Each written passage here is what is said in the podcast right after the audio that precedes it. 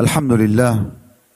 Selalu saja lisan kita memuji sang pencipta Allah atas segala nikmat yang dilimpahkan kepada kita terutama nikmat Islam dan iman. Yang dengan Islam dan iman ini kita punya panduan hidup. Kita mengenal Tuhan kita Allah akhirnya kita terpandukan ke makanan, minuman, pakaian, pendapatan, pergaulan yang boleh dan tidak boleh dikenal dengan istilah halal dan haram. Dan ini sebuah nikmat yang luar biasa. Di dunia kita bisa menikmati apa saja yang halal dan halal itu jauh lebih banyak daripada yang haram serta puncaknya mendapatkan balasan dari apa yang sudah kita nikmati itu di akhirat nanti dengan surga yang abadi. Belum nikmat kesehatan, kekuatan dan apa pun yang bisa membuat roda kehidupan di muka bumi ini berputar itu namanya rezeki dan nikmat yang harusnya kita nikmati dan kita syukuri. Tugas kita sebagai hamba Allah hanya itu saja. Menikmati dan bersyukur. Di saat kita lapar, kita tinggal mencari makanan yang kita suka, yang kita inginkan, yang asam, yang pedas, yang manis, minuman juga mungkin yang kita inginkan, yang hangat, yang dingin, pakaian yang kita inginkan, Tinggal kita nikmati, kemudian selebihnya bersyukur. Allah subhanahu wa ta'ala menjadikan syukur ini sebagai kata kunci agar nikmat-nikmat tersebut bertahan bahkan bisa bertambah. Oleh karena itu selalu basahi lidah dan bibir kita dengan kalimat Alhamdulillah. Ingatlah baginda Nabi alaihi salatu wassalam, beliau selalu mengucapkan kalimat Alhamdulillah dalam setiap keadaan beliau. Kalau dalam keadaan nikmat melimpah, maka baginda Nabi SAW mengucapkan, Alhamdulillahilladzi bini'matihi tatimmus salihat. Dihafal doa ini, Alhamdulillahilladzi bini'matihi tatimmus salihat. Segala puji bagi Allah, dengan izinnya, semua kebaikan-kebaikan tersempurnakan. Dan kalau ujian sedang datang, maka Nabi SAW tidak berkeluh kesah, tapi beliau masih mengucapkan Alhamdulillah ala kulli hal. Segala puji bagi Allah dalam setiap keadaan. Selanjutnya kita panjatkan salam hormat kita kepada utusan Allah Nabi besar Muhammad sallallahu alaihi wa ala alihi wa sahbihi wasallam sebagaimana Allah telah mengucapkan salam hormat tersebut kepada beliau bersama para malaikatnya dan tentu dengan harapan kita bisa mengejar apa yang telah dijanjikan dengan mengucapkan satu kali salam hormat dibalas dengan sepuluh rahmat. Saya mengucapkan kepada seluruh teman-teman yang hadir mengikuti secara offline talk show ini, begitu juga dengan teman-teman yang online, di mana pun Anda berada, karena biasanya teman-teman kita orang-orang Indonesia yang tinggal di luar negeri pun mengikuti acara live di medsos kami. Ahlan wa sahlan. Selamat bertemu teman-teman sekalian dan saya mengucapkan seperti apa yang diucapkan oleh Nabi sallallahu alaihi wasallam kepada para penuntut ilmu, marhaban bi talabatil ilm. Selamat datang para penuntut ilmu. Mungkin judul kita talk show, tapi ini sebenarnya majelis ilmu. Karena kita sedang membahas salah satu dari rangkaian ibadah yang mulia, haji dan umrah. Dan ini Waktu ditanya judulnya apa Ustaz, saya mengatakan bahagia dengan haji dan umrah. Yang nanti insya Allah teman-teman akan tahu kenapa judul ini kami mulai dengan bahagia. Karena memang ibadah ini sangat luar biasa. Menikmati fasilitasnya, menikmati ibadahnya, dan tidak ada orang pulang haji dan umrah kemudian sengsara. Tapi dipastikan mereka akan bahagia. Fadal. Masya Allah. Syukur Ustaz atas pembukaannya, muka dimahnya. Tapi mungkin kita bisa mulai, kita berangkat dari fenomena yang banyak terjadi saat ini, Ustaz.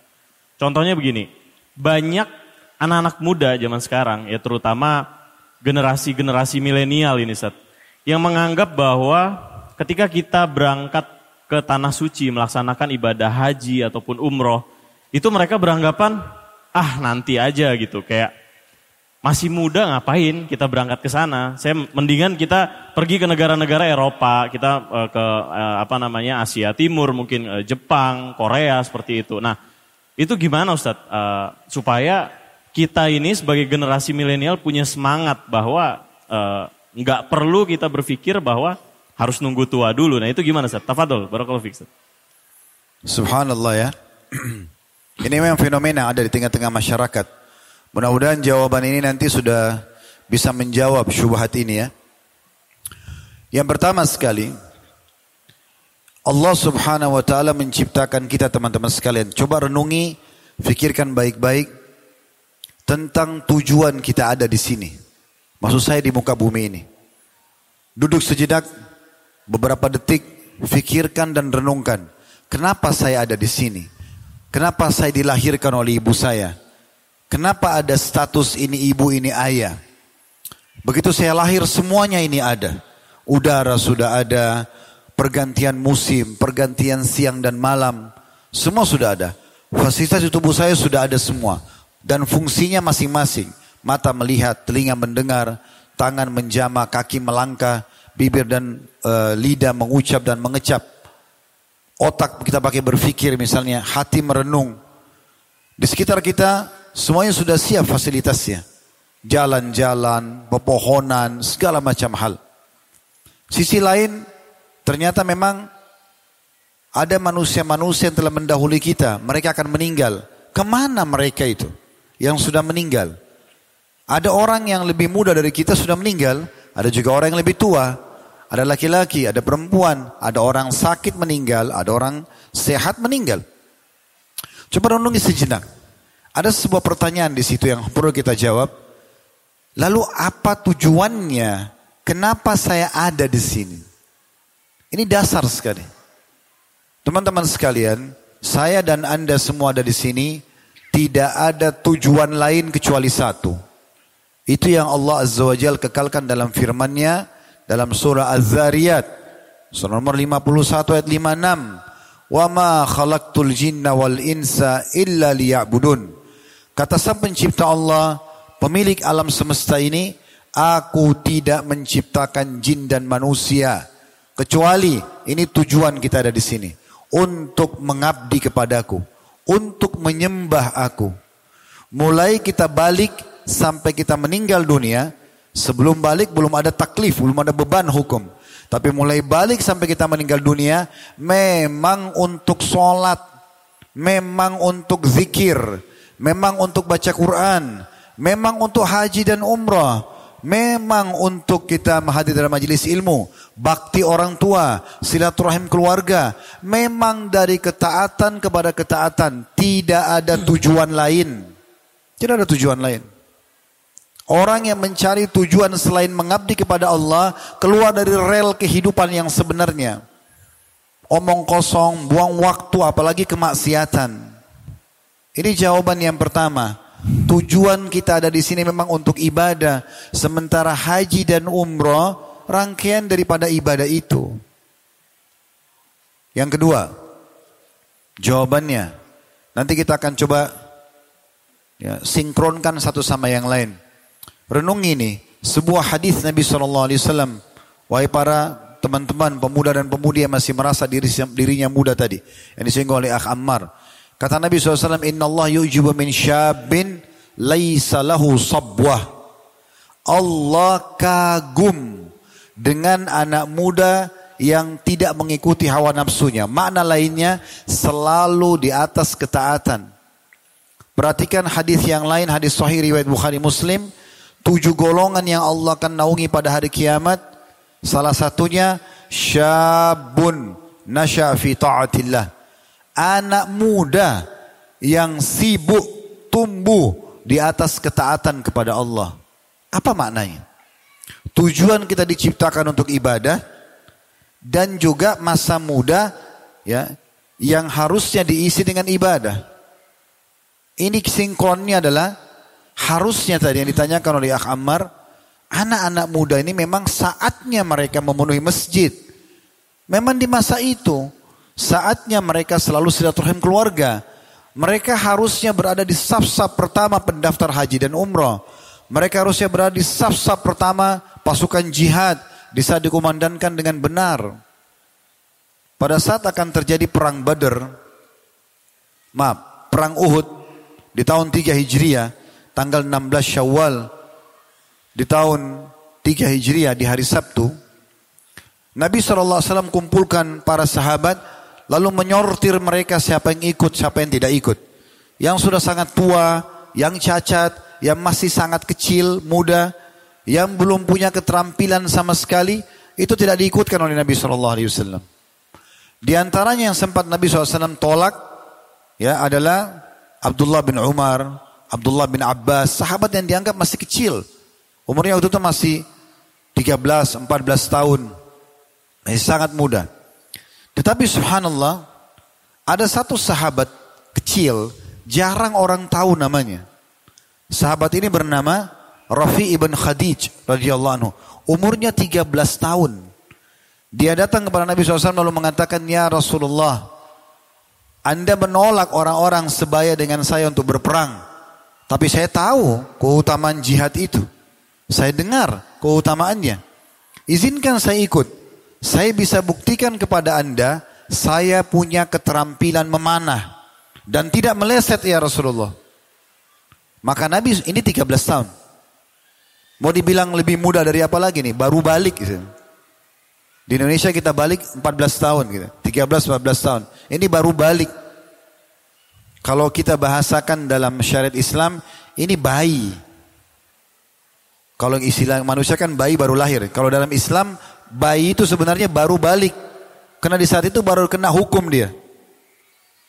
Dia sudah mengatakan, ya Rasulullah saya ingin ikut berperang. Berperang. Kalau di masa sekarang orang berperang pakai senjata dari jarak jauh. Mungkin orang masih berani sembunyi di belakang tembok. Zaman dulu pedang dengan pedang. Minimal pasti luka. Tapi orang ini datang dan mengatakan, Ya Rasulullah saya mahir. Nabi SAW tes panahannya berhasil. Memang benar tidak meleset. Diizinkan ikut. Ternyata ada satu sahabat yang lain sama 13 tahun. Dia mengatakan namanya Samura bin Jundub radhiyallahu anhu. 13 tahun juga. Hafal nama ini ya. Yang pertama Rafi ibn Khadij, yang kedua Samura bin Jundub. Ini Samura 13 tahun tapi badannya agak besar. Suka ikut dengan sahabat-sahabat yang sudah dewasa gulat. Dan memang dia punya keterampilan. Dia mengatakan ya Rasulullah, Anda mengizinkan Rafi' ikut jihad. Saya juga ingin ya Rasulullah. Dan saya bisa buktikan kalau saya bisa mengalahkan dia gulat. Maka Nabi SAW uji kedua ini. Rafi ibn Khadij dan Samura untuk gulat. Dan Samura menang. Gara-gara itu diikutkan jihad. 13 tahun. Dia sudah tahu tujuan dia diciptakan. Di saat dikomandangkan jihad, dia ikut jihad. Sudah pernah dengar belum hadis tentang masalah haji? Waktu Nabi SAW pergi haji. Di haji wada beliau. Haji perpisahan karena itu awal Allah izinkan beliau haji dan sekaligus juga haji perpisahan karena beliau sakit setelah pulang dan meninggal dunia alaihi wassalam. Waktu mendekati Mekah ketemu dengan satu kafilah dari suku Arab dan mereka tidak mengenal Rasulullah SAW karena beriman tapi belum pernah ketemu. Baru ketemu di musim haji itu. Nabi SAW tanya, siapa kalian dari suku mana? Mereka sebutkan dari suku ini dan itu. Kemudian ada satu ibu bertanya, siapa anda ini? Kata Nabi SAW, saya Rasulullah. Tiba-tiba ibu itu ngangkat anaknya yang masih kecil. Masih, ini anak mungkin 3-4 tahun. Dibawa haji oleh ibunya. Diangkat oleh ibu tersebut mengatakan, Ya Rasulullah, apakah anak sekecil ini juga bisa haji? Kata Nabi SAW, iya. Dan pahalanya untukmu. Kan bisa saja Nabi bilang, jangan dibawa masih kecil nggak usah.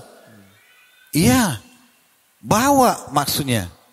Kamu sebagai orang tuanya dapat, walaupun dengan hajinya dia dibawa oleh orang tuanya masih kecil tadi, itu belum menggugurkan kewajiban haji kalau sudah balik nanti. Tapi sudah dilatih dari kecil agar terbiasa mengenal syiar-syiar Islam.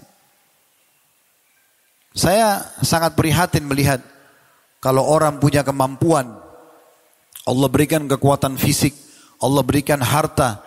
Terlebih lagi bagi teman-teman kita yang masih muda ini, yang memang orang tuanya kaya, orang tuanya penuhi kebutuhannya, dia minta apa pun dikasih. Lagi liburan sekolah mau ke Singapura, mau ke Jepang, dibiayai sama orang tuanya. Kenapa nggak minta umroh? Kenapa nggak minta haji? Pengaruhnya sangat besar. Haji itu dan umroh butuh kekuatan fisik. Jalan, lari. Kan kita berjalan pada saat lagi tawaf. Kita berjalan dan berlari pada saat kita sedang sa'i. Kalau umroh, haji ada plusnya lagi. Jalan untuk jumroh. Ada juga perjalanan kita antara Arafah, Muzdalifah, Mina.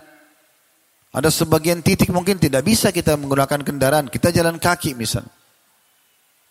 Butuh kekuatan fisik. Kalau sudah pakai kursi roda, udah rabun matanya, sudah lemah fisiknya, tentu kurang juga kualitas ibadahnya. Bukankah orang yang duduk dalam sholat mendapatkan setengah pahala orang yang berdiri?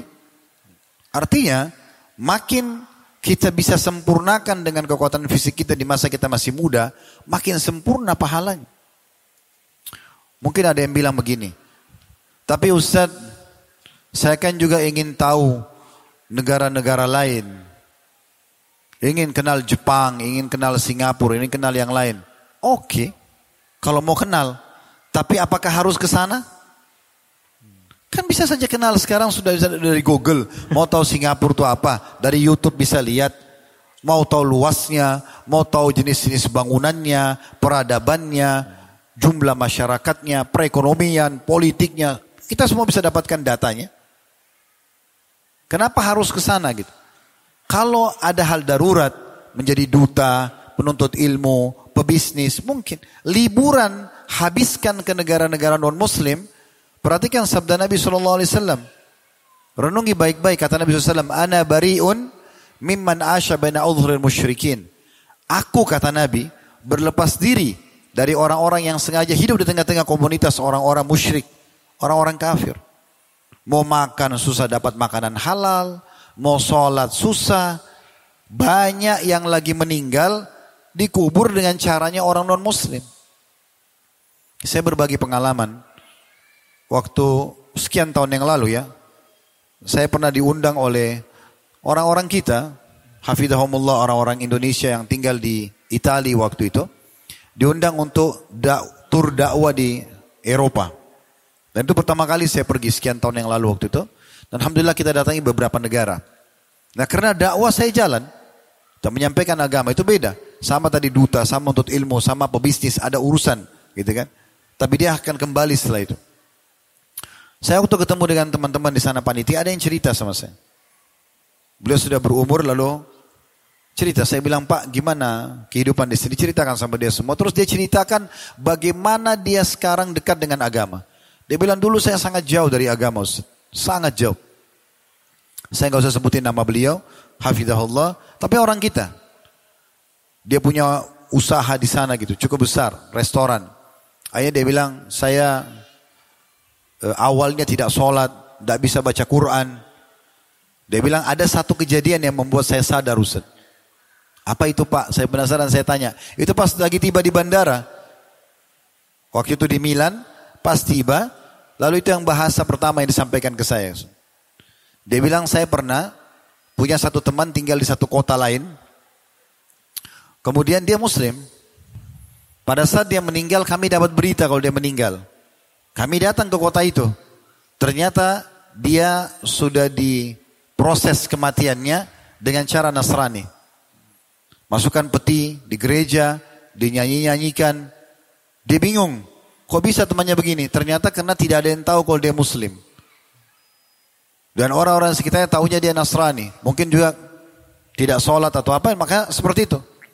Dia bilang semenjak itu saya jadi takut. Saya seperti mendapatkan sebuah bisikan dalam diri saya, apa kau mau seperti ini? Hanya dengan itu Allah sentuh dia.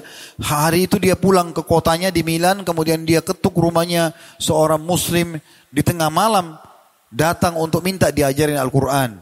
Minta untuk segera ya kembali kepada agama Allah SWT. Semenjak itu beliau taubat. Ya iya kalau pasti dikasih kesempatan seperti ini. Kalau tidak bagaimana? Sayang sekali ya, saya melihat ada satu bahasa yang harus kita perbaiki di Indonesia. Ada sering bahasa kita bahasakan, ah mumpung masih muda puas-puasin. Puas-puasinya dalam dosa. Ini ajaib ini. Mau masih muda, ayah sama ibu juga gitu kok, nggak apa-apa. Ugal-ugalan, coret-coret baju, ganggu sana sini. Coba rokok, coba hammer, coba uh, seks bebas. Ini sangat ajaib. Kenapa justru di saat badan sehat, kulit kita belum keriput, lagi tampannya, lagi cantiknya dipakai maksiat? Kenapa? Kenapa tidak pada saat potensi begitu besar dipakai dalam ibadah? Justru puncaknya pahala di situ. Ya. Jadi bukan tidak boleh ke negara orang kafir. Tapi harus ada alasan syar'inya. Kenapa? Dan tidak ada juga alasan untuk menunda haji dan umroh. Karena kita terasa sedang mendekatkan diri kepada Allah SWT. Dan keutamanya sangat besar. Nanti insya Allah saya coba akan sampaikan di penutupan, sebelum penutupan nanti, tentang hal-hal yang berhubungan dengan masalah keutamaan yang bisa kita dapatkan di saat mengerjakan dua ibadah mulia ini. Ya. Wah, insya Allah ya.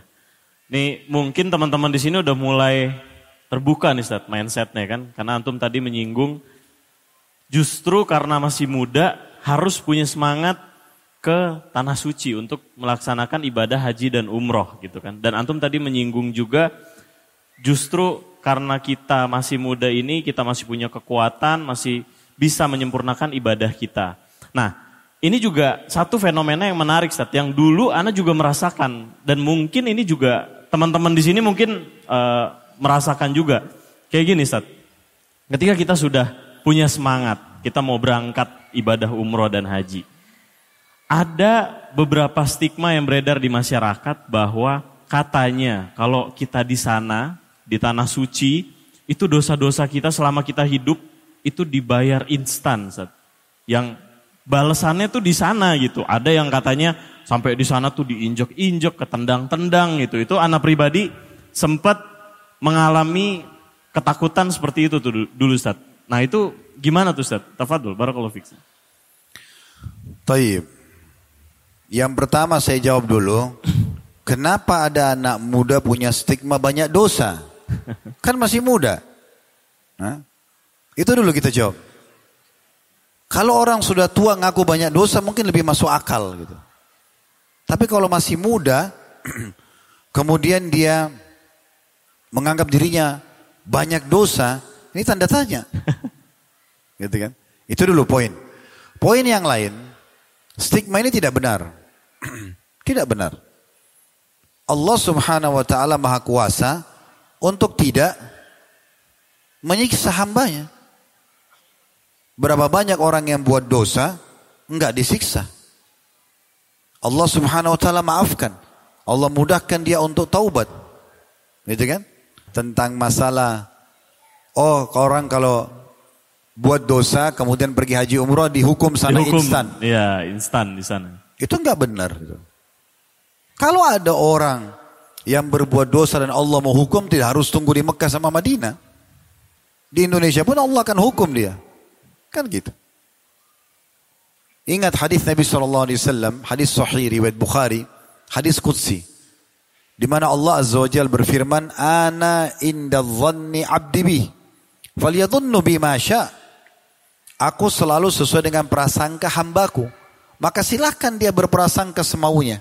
Kata para ulama hadis, kalau ada orang sangka baik dengan Allah, saya akan sembuh, saya akan berhasil, saya akan diampuni, saya akan ini dan itu. Allah kasih.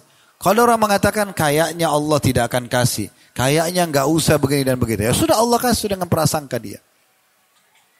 Jadi nggak usah prasangka begitu. Justru niatkan pada saat haji dan umrah, mudah-mudahan keutamanya saya dapatkan. Dosa saya diampuni tanpa hukuman. Kan bisa begitu. Ya kan? Jadi nggak perlu stigma ini menjadi penghalang untuk setiap anak muda atau pelaku dosa untuk takut ya, untuk, untuk menahan dirinya untuk melakukan ibadah haji dan umroh. Ada sebuah judul tablik akbar saya dulu di kota Makassar. Teman-teman kalau ikuti di Khalid Basalam Official di Youtube, itu bisa mencari judulnya Iya, koma inilah aku sekarang. Dua jam setengah kita ceramah pada saat itu. Berhubungan khusus untuk memberikan motivasi bagi teman-teman yang merasa banyak sekali dosanya di masa lalu dan dia khawatir dengan dosanya itu. Hukuman misalnya dari Allah atau dia khawatir namanya rusak di tengah-tengah masyarakat. Hapus semua itu. Iya, inilah aku sekarang. Kamu dulu bandel ya? Kamu dulu begini? Kamu iya, inilah aku sekarang. Dulu-dulu Umar bin Khattab itu pemabuk. Dalam sejarah beliau-beliau sendiri pernah mengatakan sebelum masuk Islam, aku tidak pernah meninggalkan satu hari pun kecuali meneguk khamr. Di masa jahiliyah. Tiap hari keluar hanya untuk menyiksa umat Islam. Coba bayangkan. Sampai pernah satu kali, waktu para sahabat ingin hijrah ke Ethiopia, ke Habasyah, malam hari mereka sepakat, yang masuk Islam di Mekah 153 orang fase Mekah, 13 tahun itu. 83 orang hijrah ke Ethiopia. 70 tinggal bersama Nabi SAW di Mekah. Waktu itu sedikit sekali orang masuk Islam. Karena diisolasi benar sama Quraisy. Siapa yang ngomong tentang Islam digebukin. Orang Islam boleh dipukul, boleh dibunuh, boleh diambil hartanya. Yang melakukan tidak dihukum. Akhirnya 83 sembunyi-sembunyi lari ke Ethiopia. Karena mereka kalau keluar dari Mekah, waktu itu Mekah cuma punya satu pintu gerbang. Jadi orang keluar masuk ketahuan, ada dinding besar dulu membentengi Mekah itu. Jadi orang keluar masuk ketahuan. Mereka cari tengah malam di mana orang-orang kafir Quraisy pada saat itu tidur, baru mereka lari. Subhanallah, di malam itu pada saat mereka mau lari, yang berjaga-jaga jadi ketua keamanan, kepala keamanan Umar bin Khattab. Waktu beliau masih kafir nih. Dan Umar ini dikenal sangat keras sama umat Islam. Dia kalau siksa orang Islam datang, bukan budak dia, budaknya tetangganya, budaknya temannya dia datang disiksa sama dia, dipukul, digebukin. Habis itu kalau malam, sore dia keluar, dia pulang. Dia bilang, saya berhenti bukan karena saya kesian sama kamu ya. Saya berhenti karena saya sudah bosan aja. Besok saya kembali siksa kamu. Itu kata Umar kepada umat Islam. Luar biasa terkenal kerasnya. Subhanallah, dari 83 orang yang mau lari ke Ethiopia ini, semuanya berhasil keluar kecuali satu, dua orang. Ummu Abdillah, seorang wanita namanya Ummu Abdillah, sepupunya Umar bin Khattab, sepupunya. Sama anak kecilnya. Waktu Ummu Abdillah mau keluar, dilihat ada Umar di pintu gerbang. Ummu Abdillah ini cari gunung yang paling bisa dilewatin sama dia. Cari gunung untuk melewatin pagarnya, temboknya Mekah. Dapat gunung naik, turun. Subhanallah pas dia turun dari gunung, Umar lagi patroli di luar. Ketemu sama Umar. Umar kaget. Ummu Abdillah dia kenal ini perempuan. Naik gunung malam-malam ngapain nih? Kata Umar, ada apa wahai Ummu Abdillah? Sepupunya dia. Kata Ummu Abdillah, Maha suci Allah. Subhanallah. Kami di Mekah kalian siksa dan kalian larang kami ibadah. Kami mau hijrah pun kalian larang. Umar kaget dengan statement itu. Sebagian ahli sejarah mengatakan ini termasuk bibit penyebab Umar masuk Islam. Bibitnya awalnya. Sampai Umar mengatakan, jadi kau mau ke mana? Dia bilang, saya akan ke Ethiopia bersama teman-temanku kaum muslimin. Karena gak bisa ibadah di sini. Umar bingung. Umar mengatakan, kalau gitu semoga keselamatan bersama, mau pergilah. Pergi dia. Waktu Muabdillah datang ke padang pasir, tempat yang sudah disepakati mereka sembunyi-sembunyi. Oh Alhamdulillah Ummu Abdillah datang, kata para sahabat. Begitu ketemu, kata mereka, Bagaimana? Apa ceritanya? Kenapa kau telat nih? Oh tadi saya lihat ada Umar depan pintu gerbang. Saya takut dia temuin, saya cari gunung naik, manjat, turun lagi. Begitu saya tiba di luar, Umar lewat. Oh, terus apa yang terjadi? Umarin. Siap bunuh umat Islam. Apa yang terjadi? Ya Umar heran kenapa saya perempuan begini malam-malam naik gunung gendong anak saya hanya untuk menyelamatkan agama. Terus gimana? Kata Umar, pergilah kalau gitu semoga keselamatan bersamamu. Ada satu sahabat bilang, kayaknya penyebabnya Umar masuk Islam nih. Sahabat yang lain bilang apa? Gak mungkin. Umar tidak akan masuk Islam sampai unta bisa masuk ke lubangnya jarum. Begitu keyakinan orang Islam di Mekah pada saat itu. Sulit sekali nggak mungkin. Tapi hidayah datang. Subhanallah. Masuk Islam lah Umar. Gitu kan? Pertanyaan, apakah setelah semua kebencian itu dan masuk Islam? Ya. Kemudian Islam pernah membahas masa lalu Umar? Gak ada. Bahkan para sahabat mengatakan kami mulia semenjak masuk masuk Islamnya Umar. Umar dengan ikhlasnya radhiyallahu dengan keislaman dengan keimanannya Allah muliakan. Allah jadikan sebagai mertua Nabi, sebagai sahabat Nabi, penyebab banyaknya ayat-ayat Al-Quran turun karena Umar.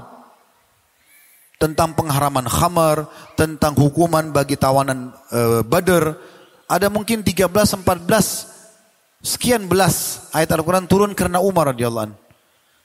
Nabi SAW mimpi Umar memiliki baju yang sangat panjang ditanya oleh para sahabat apa takwilnya Rasulullah. Kata Nabi SAW ilmu. Nabi SAW waktu mi'raj ke langit diperlihatkan istana berlian yang berongga. Ada perempuan lagi di situ. Lalu Nabi lihat ke arah istana tersebut lalu bertanya ini istana siapa? Kata malaikat ini istana seorang pemuda dari Quraisy. Kata Nabi SAW saya kira itu istanaku. Lalu saya tanya istana siapa? Kata Jibril AS istananya Umar bin Khattab. Dulu benci sekali Islam ini. Tapi Islam subhanallah tidak pernah melihat masa lalu orang. Islam melihat sekarang ke depan. Sekarang ke depan. Jadi nggak usah berprasangka stigma, oh saya punya dosa nanti saya akan dihukum. Akhirnya setan membuat kita jadi takut beribadah. Enggak. Optimis. Bersangka baik kepada Allah subhanahu wa ta'ala. Allah akan maafkan kesalahan saya. Saya akan perkuat iman saya. Saya akan menjadi anak muda terbaiknya muslim. Nah gitu. Iya. Masya Allah. Habis ini berangkat umroh semua kayaknya nih Ustaz. nah ini menarik juga nih Ustaz. Mungkin sudah ada uh, mulai makin kebuka gitu pikirannya bahwa nggak ada tuh istilahnya dosa di sini selama hidup di sana dibayar instan gitu ya Ustaz ya. Nah setelah ini mungkin banyak juga keresahan di luar sana ketika mereka merasa umroh ini apalagi masih pada muda-muda gitu ya Ustaz ya, masih belum settle, masih tanggung jawabnya masih banyak gitu. Terkait dengan biaya, mereka berpikirnya sering tuh anak baca di komen ketika antum lagi uh, live bersama Uhud gitu ya. Banyak yang komen tuh gimana boro-boro mau umroh, makan aja masih susah. Boro-boro mau umroh, uh, hidup aja masih pas-pasan gitu. Nah, apakah umroh dan haji ini terkait dengan penghasilan kita atau pendapatan kita saat ini. Tafadol, barakallahu fiik. Saya jawab lebih kepada jawaban keimanan ya, secara spiritual gitu. Inna malamalu bin niat. Semua sesuai dengan niatnya. Saya tanya teman-teman sekalian, apakah semua orang umroh dan haji itu pasti orang kaya? Tidak. Banyak yang umrah haji orang miskin. Banyak banget. Banyak sekali. Bagaimana mereka berangkat? Uangnya nggak ada. Innamal a'malu bin niat. Semua sesuai dengan niatnya. Order kepada Allah. Niatkan. Minta. Kita ini disuruh manja sama Allah. Minta. Ya Allah mudahin umrah saya. Dari mana bukan urusan kita. Biarkan Allah yang aturkan. Ada yang umrohkan, tiba-tiba dapat rezeki bisa umroh. Terlebih lagi memang umroh ini penyebab datangnya kekayaan. Saya pernah haji beberapa waktu yang lalu dan ada satu jemaah haji datang kepada saya. Dia sendiri yang ceritakan itu. Saya hijrah Ustaz kena ceramah antum. Alhamdulillah dia bicara begitu, bukan saya tambah. Terus kemudian dia mengatakan, saya ini termasuk orang yang mempraktekkan apa yang Ustadz bilang tentang masalah umroh dia bilang. Ini lagi haji sama kami. Bukan tahun ini, tahun tahun sebelumnya. Terus dia mengatakan, saya bilang apa ceritanya? Dia bilang pernah saya punya uang pas-pasan waktu itu. Memang ada tapi pas untuk bayar umroh. Saya bingung antara saya umroh atau saya mulai usaha. Tapi saya ingat Perkataan antum di pengajian, memang saya pernah sampaikan. Saya pun kalau teman-teman sering tanya, Ustadz, saya punya uang 20 juta, 25 juta. Saya pakai modal atau saya pakai umroh, saya akan suruh anda umroh. Nanti kita jelaskan hadisnya tentang kenapa kok bisa seperti itu. Terus dia bilang, saya praktikin. Enggak, saya coba umroh. Sebab saya bilang, dengan umroh, ada hadis Nabi SAW, sesungguhnya rutinkan haji dan umroh, karena keduanya akan menghilangkan dosa, kemiskinan dan dosa sebagaimana api, sebagaimana pandai besi menghilangkan karat dari emas, perak dan juga besi itu sendiri. Dia bilang saya coba ke sana dan saya juga tambahkan, belum lagi kita bisa berdoa depan Ka'bah, memohon. Ini kiblat muslimin. Kalau dari sini kita ribuan kilometer untuk menghadap Ka'bah. Tapi di sana depan mata berdoa kepada Allah Subhanahu wa taala. Syekh Shinkiti salah satu uh, anggota di majelis ulamanya Saudi menceritakan ini cerita masih pakai kaset dulu. Di masa dulu masih pakai kaset. Saya pernah dengar ceramah beliau gitu. Beliau bilang waktu bicara masalah haji dan umroh tidak ada orang yang menghadapi permasalahan dalam hidupnya dengan dan konsultasi sama saya dan dia masih punya kesempatan untuk umroh haji kecuali saya suruh umroh dan haji. Dia cerita pengalamannya. Ada satu bapak suami istri mengeluh, minta fatwa, minta nasihat karena dia punya anak perempuan tiga orang kalau nggak salah. Tiga-tiga sudah menikah, tapi ada yang satu ini selalu bermasalah sama suaminya, anak perempuan. Selalu ribut rumah tangganya, selalu saja hampir cerai. Waktu saya sama saya kata Syekh, maka saya tanya, Anda tinggal di mana? Kebetulan yang menanyanya tinggal di Madinah. Kata Syekhnya, Anda bisa umroh? Dia bilang bisa. Oke berangkat malam ini. Karena dari Madinah ke Mekah dekat. Naik mobil cuma 4-5 jam. Berangkat, laksanakan umroh. Dan selama tawaf sa'i, panjatkan hajat itu. Supaya Allah selesaikan permasalahan anak anda ini. Dia bilang baik. Setelah tutup telepon, orang itu tidak pakai nunggu suami istri sepakat pergi umrah. Waktu itu belum ada handphone ini. Orang masih pakai telepon biasa. Dia masuk hotel di Mekah lalu dia bilang sama orang di hotel, uh, orang reception hotel, nanti kalau ada yang telepon kami, ambil aja nomor teleponnya. Nanti saya akan kami akan telepon balik. Dia tiba di Mekah sekitar jam 3, langsung umrah. Setelah umrah, suami istri sepakat sepertinya sudah lagi azan subuh. Kita sholat subuh, sholat malam aja, tunggu subuh, habis subuh, sepakat lagi suami istri. Udahlah, kita lebih baik tunggu sampai syuruk aja. Nanggung, habis itu baru kita istirahat. Ringkas cerita mereka pulang ke hotel, kata syekhnya. Pas tiba di hotel, resepsinya bilang, anda ini dari mana saja? Dari sebelum subuh ada orang yang telepon terus. Nanyain anda ini. Terus ditanya sama kedua orang ini. Apakah sempat ambil nomor teleponnya disebut namanya? Oh enggak sempat karena orangnya buru-buru. Cuma nanya anda saja gitu. Baik akhirnya persepsi mereka ke anak mereka. Teleponlah ke anaknya satu persatu. Yang dua ini tidak yang tidak ada masalah mengatakan mereka tidak telepon. Yang ketiga yang punya masalah ini ditanya sama orang tuanya. Apa kau telepon nak? Oh iya saya telepon. Ada apa? Khairan insya Allah. Mudah-mudahan baik. Iya saya tidak tahu tadi sebelum subuh tiba-tiba suami saya bangun dan suami saya minta minta maaf dengan saya. Suami saya minta agar diberikan kesempatan memperbaiki rumah tangga dan berjanji akan menjadi suami yang baik. Intinya saya sangat bersyukur suami saya berubah dan rumah tangga kami tidak jadi bercerai. Subhanallah, Allah kabulkan doa. Ini kisah seperti ini banyak ya. Ada ribuan kisah begini. Ada orang dari Mesir, seorang pengusaha yang kaya raya. Kemudian dia lumpuh. Terus dia minta agar disampaikan depan Ka'bah. Begitu kisahnya. Lalu dikatakan di depan Ka'bah pada saat dibawa oleh anak-anak dalam kondisi dia lumpuh. Dia mengatakan, Ya Allah, sebagaimana engkau telah menyampaikan aku di depan rumahmu ini, maka pulangkan aku ke negeriku dalam kondisi aku sembuh atau matikan saja aku. Kata anak-anaknya, kami saksikan ayah kami berdiri, kemudian jalan tawaf, kami ikut di belakangnya. Setelah tujuh kali tawaf baru dia bilang, loh saya sudah tinggalkan tempat saya tadi duduk. Kata anaknya, iya dan anda sudah tawaf tujuh kali. Maka dia syukur kepada Allah, Allah sembuhkan. Ada orang yang matanya buta, anak muda di Saudi diceritakan oleh para masyai di sana. Rabun matanya pakai kacamata tebal. Kemudian dia selalu dipandu oleh teman-temannya pada saat dia sa'i, tawaf dan sa'i. Begitu dia sa'i sudah mau selesai umrah, dia minta temannya ambilin segelas zam-zam, hadap kiblat, dia buka kacamatanya. Kacamatanya cuma simbolik karena buram juga.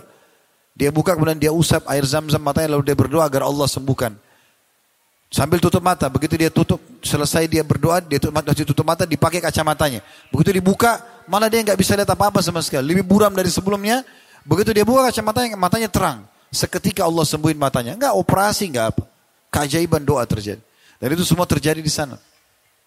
Itu semua terjadi di sana. Jadi teman-teman sekalian, nggak ada maslahatnya untuk menunda masalah. Dan tidak ada, memang ada hubungannya antara ada persiapan finansial atau tidak. Tapi kalau kita bicara orang punya finansial ya sudah tinggal dibayar. Kalau orang tidak punya finansial, bersangka baik pada Allah. Dan order sama Allah, manja dengan Allah. Allah ini mau kita manja teman-teman. Makin sering antum minta merengek sama Allah, makin bagus. Ibnu Qayyim rahimahullah pernah melihat seorang ibu marah sama anaknya. Pas beliau lewat depan rumahnya lagi marah sama anaknya. Saking marahnya ibu ini, anaknya dikeluarin dari depan pintu, kemudian ditutup pintunya. Anaknya nangis-nangis karena kecapean, tertidur anak itu. Waktu anak itu tertidur, Ibnu Qayyim buka pintu, terus jemput anak itu digendong. Kata Ibnu Qayyim, maha suci Allah. Subhanallah. Kalau seandainya semua orang beriman seperti anak ini pada ibunya kepada Allah, maka pasti Allah akan kasih karena Allah lebih sayang kepada hamba daripada ibu kepada anaknya. Tinggal minta. Dalam sebuah hadis riwayat Tirmidzi, kata Nabi SAW, Inna Allah, uh, man, begini bunyinya, Man lam yadu Allah yaghdab alaih. Siapa yang tidak minta kepada Allah, siapa yang tidak manja, tidak merengek kepada Allah, Allah marah padanya. Antum kalau tidak mau minta sama Allah, tidak menunjukkan kebutuhan justru Allah marah. Sampai seorang penyair Arab mengatakan, artinya kurang lebih begini. Jangan kau minta sama manusia. Karena kalau kau minta sama manusia, dia akan marah. Sekali kita minta, dua kali, tiga kali, lama-lama dia marah. Tapi mintalah kepada zat Allah yang kalau kau minta, kalau kau tidak minta justru dia marah. Minta akhi dan ukhti. Ya Allah mudahkan aku umrah dan haji di masa mudahku. Terus merengek sama Allah. Di sepertiga malam antara azan iqamah Antum punya makanan sedikit, punya sedikit uang, sedekahkan, tawasul dengan amal saleh. Mudahkan sedekahku ini walaupun cuma 10 ribu rupiah, penyebab aku umrah atau haji ya Allah. Tawasul, optimis, sangka baik dengan Allah. Allah akan kasih. Allah akan kasih teman-teman sekarang. Saya subhanallah, berapa tahun lalu, travel yang Allah amanahkan ini Uhud Tour, kurang lebih berjalan sekali 5 masuk 6 tahun. Tahun ke-6. Sebelumnya saya bimbing travel orang itu berangkat jadi pembimbing saja. Sambil di Mina, di Arafah saya berpikir, subhanallah enak benar orang kalau punya travel ya. Artinya dia bisa berangkat setiap saat dia mau. Dia juga bisa berangkatin orang, berapa banyak pahala yang didapatkan. Saya pulang, saya bilang sama istri saya, lagi kami di ranjang mau istirahat, enak benar ya orang kalau punya travel, bisa berangkat setiap saat. Subhanallah, ini perkataan ini saja. Dengan harapan dalam hati supaya Allah kasih saya travel. Hanya 2-3 tahun ke depannya Allah kasih travel. Jujur dengan Allah. Tamak, merengek dengan Allah. Makin kita merengek, makin kita manja, makin diberikan. Bukan mustahil bahkan. Allah bukan cuma kalau minta sama Allah tidak usah tanggung-tanggung. Banyak orang teman-teman mau berdoa sama Allah kalau sakit parah. Sudah sakit parah nggak bisa sembuh, tujuh dokter konsultasi sudah nggak bisa sembuh, baru sholat malam. Ini kasihan benar orang ini. Kenapa kita doa itu? Kenapa doa diletakkan sebelum makan? Sebelum tidur? Sebelum keluar rumah? Sebelum berpakaian? Sebelum biologis? Kenapa sebelum? Supaya libatkan dulu Allah di situ. Setelah selesai memuji Allah. Kita lupa ini. Manja sama Allah. Minta. Allah kasih. Tidak ada yang mustahil. Bahkan teman-teman sekalian selama tidak bentrok dengan sunnatullah, tidak bentrok dengan sistem yang sudah Allah buat, maka Allah akan beri. Gak ada yang mustahil. Gak ada yang mustahil. Jangan bilang, oh ini kayaknya mustahil buat saya. Gak ada yang mustahil. Umar bin Abdul Aziz rahimahullah, tadinya orang biasa. Minta agar Allah jadikan dia sebagai pemimpin muslimin di kota Madinah.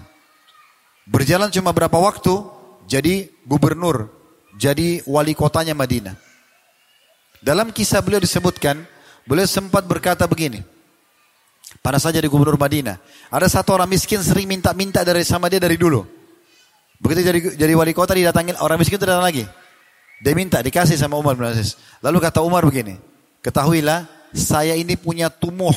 Tumuh itu semangat yang sangat besar, optimis yang sangat besar untuk mendapatkan agar saya menjadi khalifah muslimin. Khalifah muslimin. Dari orang biasa, jadi wali kota, jadi khalifah. Khalifah itu di atasnya presiden dan raja karena khalifah itu besar sekali wilayah kekuasaannya. Dan waktu itu kebetulan dinasti Umayyah yang terbentuk dari tahun 40 Hijriah, runtuh di tahun 132 Hijriah. Ini turun temurun dari ayah ke anak dan begitu. Umar bin Abdul ini tidak masuk dalam urutan yang akan jadi raja. Gak masuk. Tapi karena optimisme, karena semangat, karena niatnya yang benar, Subhanallah, meninggal khalifah. Sebelum khalifah meninggal, yang berada di negeri Syam, dia lagi di Madinah. Tiba-tiba Allah masukkan hat, dalam hatinya iman. Seingat saya Sulaiman, rahimahullah, dia masuk iman dalam hatinya lalu dia tanya, ya penasehatnya dia. Raja Ibn Haywa namanya, penasehat ini. Orang yang sangat soleh. Dia bilang, kata khalifah, saya ini khawatir saya meninggal. Kalau saya tulis wasiat kepada saudara-saudara saya nanti yang gantikan saya, mereka ini masih jauh dari dari harapan menjadi khalifah muslimin. Secara ibadah, secara kepemimpinan. Kira-kira menurut kamu siapa? Tiba-tiba penasihat ini bilang, menurut saya Umar bin Abdul Aziz. Padahal maksudnya tidak ada masuk dalam dalam urutan jadi raja, nggak ada. Nggak ada. Wali kota Madinah pun sebenarnya tidak bisa. Tapi dia berdoa terus Allah kasih. Karena semangatnya berdoa, langsung kata Sulaiman, engkau benar. Saya akan tulis wasiat sekarang pengganti saya Umar bin Aziz. Padahal ini bukan jalur kerajaan. Dan antum tahu bagaimana proses terjadi beliau jadi khalifah itu luar biasa. Adiknya Sulaiman ini sudah siap menjadi kandidat raja. Udah pasti secara hierarki dia harus jadi raja setelah meninggal khalifah ini. Subhanallah, begitu si khalifah meninggal, Surat wasiat itu dipegang oleh Raja bin Haywa, dikumpulkan prajurit-prajurit pilihan, pengawal raja, pengawal raja Khalifah itu kemudian dikumpulkan semua saudara-saudaranya. Kata Raja bin Haywa, saya penasihat kerajaan sebagaimana kalian tahu. Dan di tangan saya ada surat wasiat Khalifah. Wasiat ini wajib dijalankan. Karena wasiat muslimin. Dia lebih tahu siapa yang jadi pemimpin. Maka siapa pun yang disebutkan namanya dalam surat ini wajib kalian pilih. Satu-satu yakin, satu-satu ambil apa namanya pendapat apa, ambil e, persetujuannya. Mereka semua mengatakan iya kami setuju semuanya. Karena mereka pikir pasti ditunjuk salah satu dari yang ada di situ. Maka dibacakanlah surat. Waktu disebut nama Umar bin Abdul Aziz, semuanya nolak. Siapa dia? Bukan siapa, bukan jalur keturunan yang harus jadi raja. Raja bin Hawiyah mengatakan wasiat Amir Mukminin. Yang menolak saya suruh tebas lehernya nih. Ini ada prajurit harus tebas lehernya. Ini buat kekacauan. Terpaksa diterima. Bukan raja. Orang biasa jadi raja. Order sama Allah. Minta aja. Kita ini males. Gak mau doa. Gak mau doa. Doanya nanti kalau sakit keras. Terlilit utang. Ya akhi dan ukhti. Raih pahala doa walaupun minta parkiran sama Allah. Antum mau ke mall, Minta parkiran, ya Allah mudahin parkiran buat saya. Mau beli pakaian, ya Allah saya suka baju itu berikan buat saya. Hal kecil pun minta sama Allah. Manja sama Allah. Jangan tunggu masalah baru minta. Sayang betul. Apa kata Nabi SAW? Kenalilah Tuhanmu. Di masa engkau sedang lapang. Dia akan mengenalmu pada saat kau sedang sulit. Maksudnya minta walaupun hal sederhana. Minta baju, apa kata Nabi SAW kepada para sahabat? Mintalah kepada Tuhan kalian walaupun tali sendal kalian. Zaman dulu orang kalau pakai sendal di bawahnya kulit, sisanya pakai tali dilihat sampai di betis. Tali sendal itu nggak ada nilainya. Kata Nabi SAW, mintalah kepada Tuhan kalian walaupun tali sendal kalian. Sampai para sahabat praktikin. Tali sendalnya putus minta, ya Allah berikan saya. Allah teman-teman dalam memberikan jawaban doa kita itu ajaib. Ajaib luar biasa. Di luar daripada prediksi kita. Di luar daripada persepsi kita. Jauh sekali. Gak masuk akal manusia. Kalau Allah kasih gak masuk akal. Allah akan kasih dengan sesuatu yang tidak masuk akal. Allah pada saat kita minta ya Allah berikan saya kesembuhan. Allah tidak lemparin obat dari langit. Enggak. Ya Allah mudahin, mudahin jodoh buat saya. Allah lemparin manusia. Enggak. Ya Allah mudahin rezeki. Allah lemparin duit. Enggak. Tapi ada sistem yang sudah Allah buat, sundatullah. Gak bentrok dengan itu. Pada saat kita minta ya Allah saya sakit sembuhinlah. Allah tiba-tiba pertemukan kita sama seseorang, ngobrol umum, silaturahim keluarga, ketemu sama ikhwah, akhwat kita, jalin ukhuwah saja. Tiba-tiba kita ngobrol, oh saya sudah sebulan ini sakit, ini sakit itu. Oh setahu saya ada dokter yang bagus di sana. Ini jawaban doa. Kita ke sana, konsultasi cocok, resepnya cocok, sembuh. Itu sunnatullah. Jodoh tiba-tiba ada yang tawarin diri, tiba-tiba ada yang tawarin anaknya, tiba-tiba ada yang tawarin saudaranya, sinyal dari Allah. Kadang-kadang kitanya rewel, gak mau ini, gak mau itu, gak mau ini, semua ditolak. Jadi yang masalah ini. Sudah berapa kali yang sini muda-muda ditolak jodohnya? Hah? Yang tinggi, oh terlalu tinggi. Yang pendek, terlalu pendek. Yang putih, terlalu putih. Yang hitam, terlalu hitam. Mau yang mana? Dia yang repot. Mau kerja, ada yang mau minta rezeki, ada yang tawarin kerja, tawarin kerja sama. Terima dulu. Terima dulu. Nanti Allah kasih keberkahan. Cari pengalaman. Nggak begitu. Ya. Ini mungkin bisa jadi satu keresahan lain juga nih Ustaz. Yang di mana banyak juga uh, di luar sana ketika sudah pernah melaksanakan perjalanan umroh ataupun haji gitu. Biasanya kan kita ada timbul rasa sedih gitu Ustaz ya ketika pengen gitu balik lagi gitu. Bahkan banyak orang yang bilang malah lebih berasa merasakan rindunya tanah suci orang yang sudah pernah berangkat ketimbang orang yang belum pernah berangkat. Nah tapi ada juga orang-orang yang justru pengen kembali lagi ke sana itu bukan karena rindu tapi karena was-was perjalanan sebelumnya ini pahalanya nggak diterima Ustaz. Itu gimana Ustaz? Tafadol, barakallahu Akhi dan ukhti, di masalah ini ya.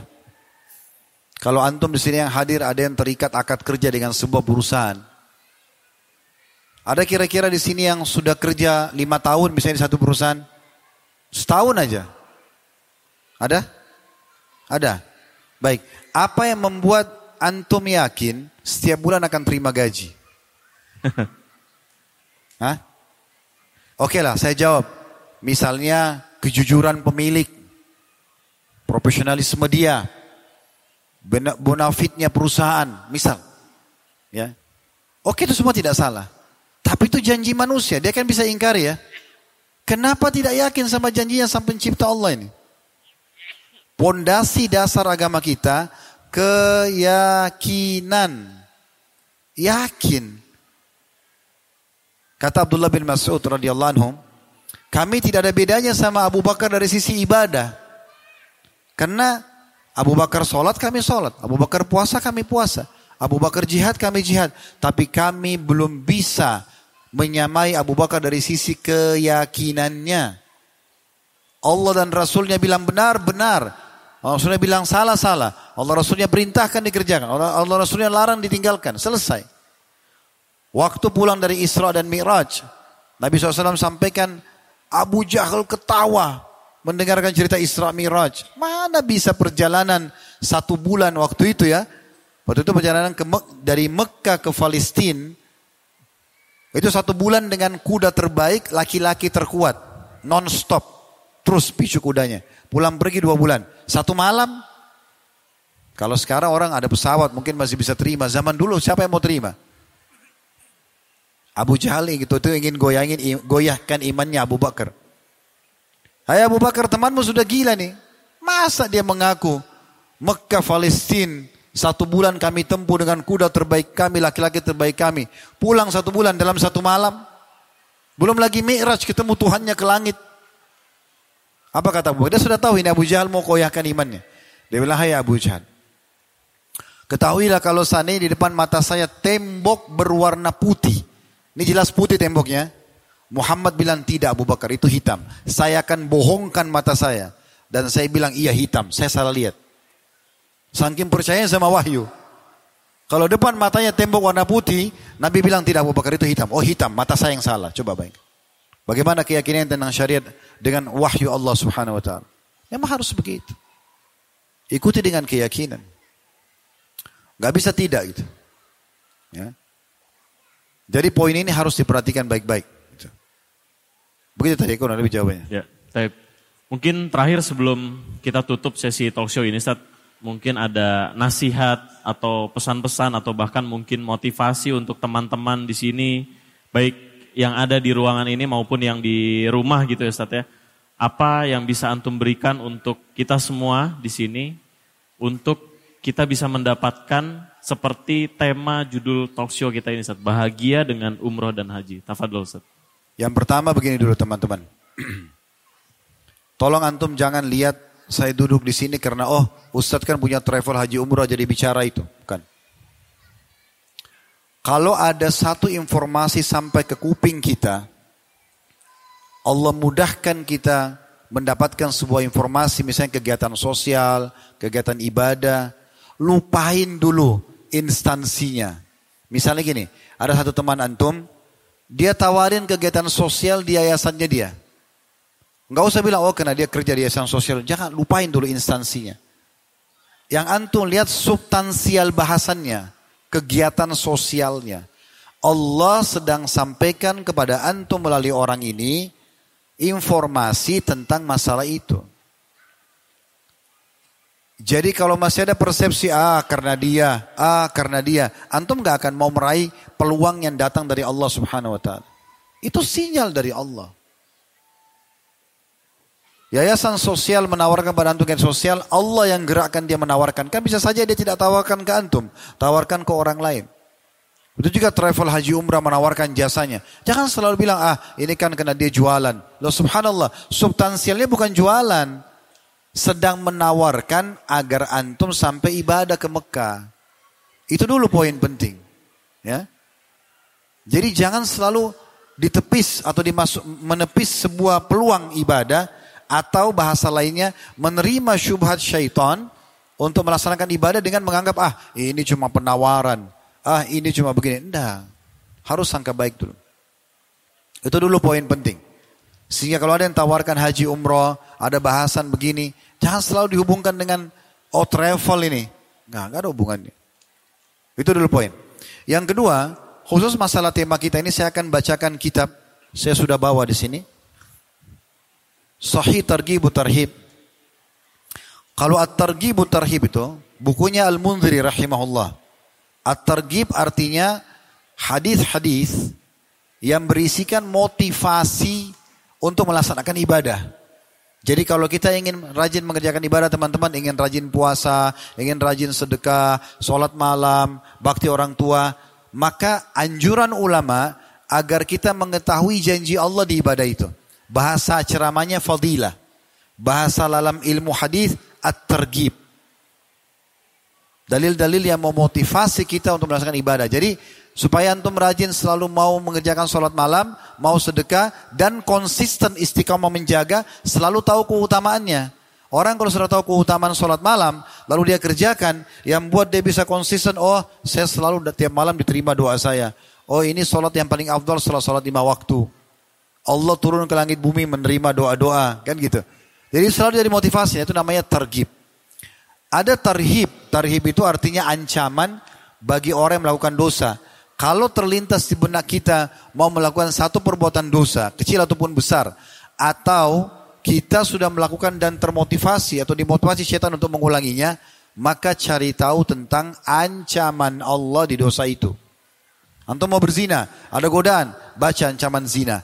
Ketik di Google ancaman zina, di, di Youtube, di Instagram mungkin banyak potongan ceramah ustaz kita tentang masalah zina. Antum jadi berhenti nanti. Itu namanya tarhib. Nah buku ini penuh dengan itu.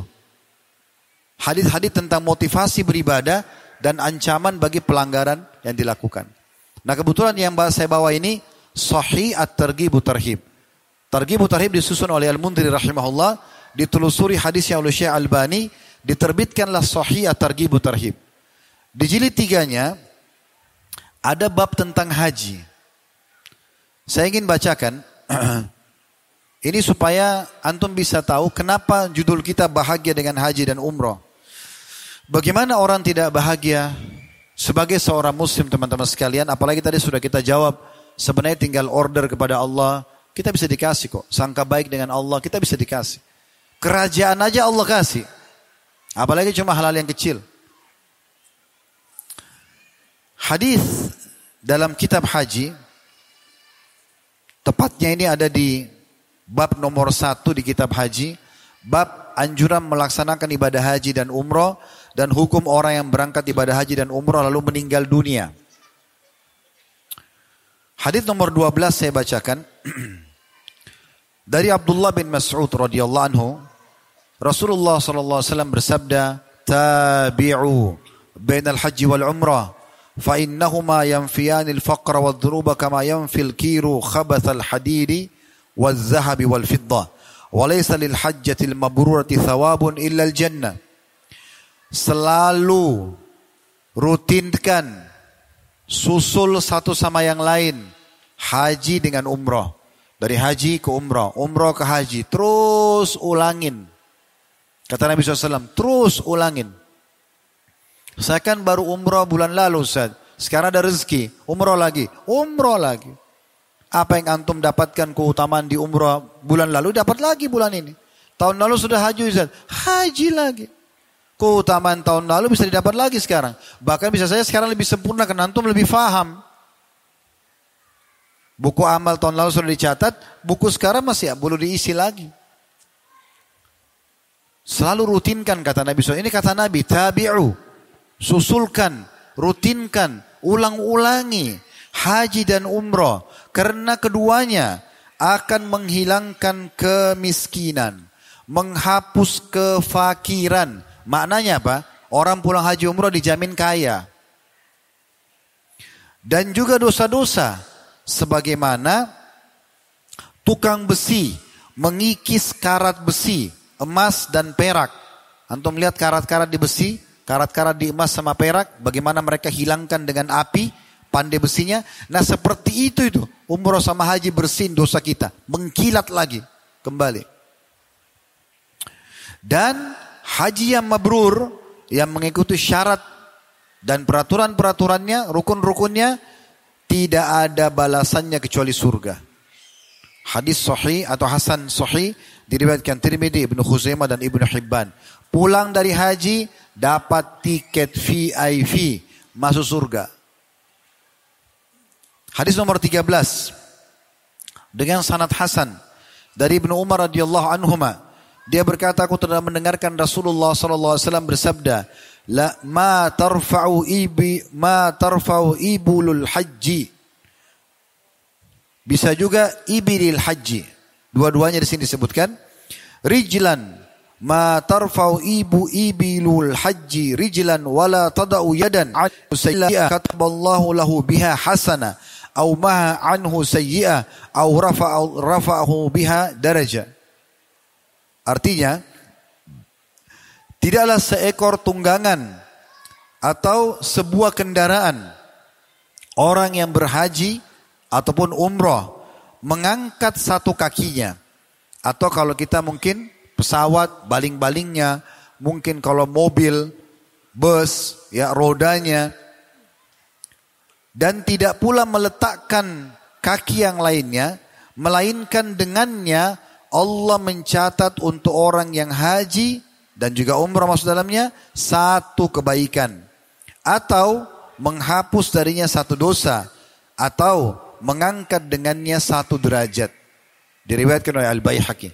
Kita dari Indonesia kalau naik pesawat ke Saudi ini 9 jam kalau non stop, non transit ke Jeddah. Itu berapa ribu kilometer tuh. Berapa banyak kita dapatkan pahalanya itu. Ya bagi pecinta pahala, bagi orang yang mau masuk surga ini ini sudah sangat merindukan bagi dia sebenarnya. Hadis riwayat Baihaqi dan juga Ibnu Hibban dalam sahihnya. Hadis yang ke-14.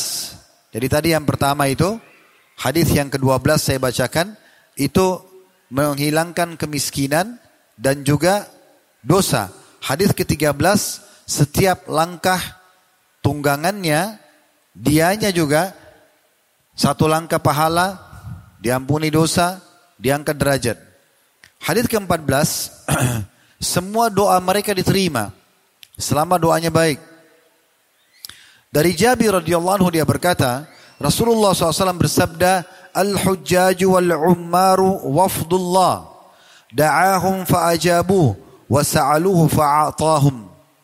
Para jemaah haji dan jemaah umrah, haji dan umrah dua-duanya, adalah para delegasi Allah, tamu-tamu Allah. Allah memanggil mereka, panggilan Allah itu seruan, kesempatan, travel tawarkan, teman tawarkan, keluarga tawarkan, dapat informasi di medsos, itu dari Allah semuanya. Para jemaah haji dan umrah adalah para delegasi Allah. Allah memanggil mereka lalu mereka pun memenuhi panggilannya. Maka dengan itu, pada saat mereka memohon kepadanya, maka Allah pun akan memberi permohonan mereka. Doanya mustajab. Dari mulai keluar sampai balik lagi. Sembilan hari di sana umrah reguler, sembilan hari antum diterima doanya. Masih tamu Allah. Hadis riwayat Al-Bazzar dan para perawinya semua thikoh terpercaya. Hadis nomor 15 dengan sanad Hasan dari Ibnu Umar radhiyallahu anhuma dari Nabi wasallam beliau bersabda, "Al-ghazi fi sabilillah wal hajj wal mu'tamir wafdullah da'ahum fa'ajabu wa sa'alu fa'atahum." Orang yang berperang di jalan Allah, orang yang berhaji dan orang yang berumrah, para delegasi Allah. Orang jihad, orang haji, orang umrah. Tiga-tiga disebutin. Delegasi Allah, tamu-tamu Allah. Allah memanggil mereka, lalu mereka pun memenuhi panggilannya. Jadi yang menyuruh-nyuruh kita itu, teman, keluarga, travel, tawarkan.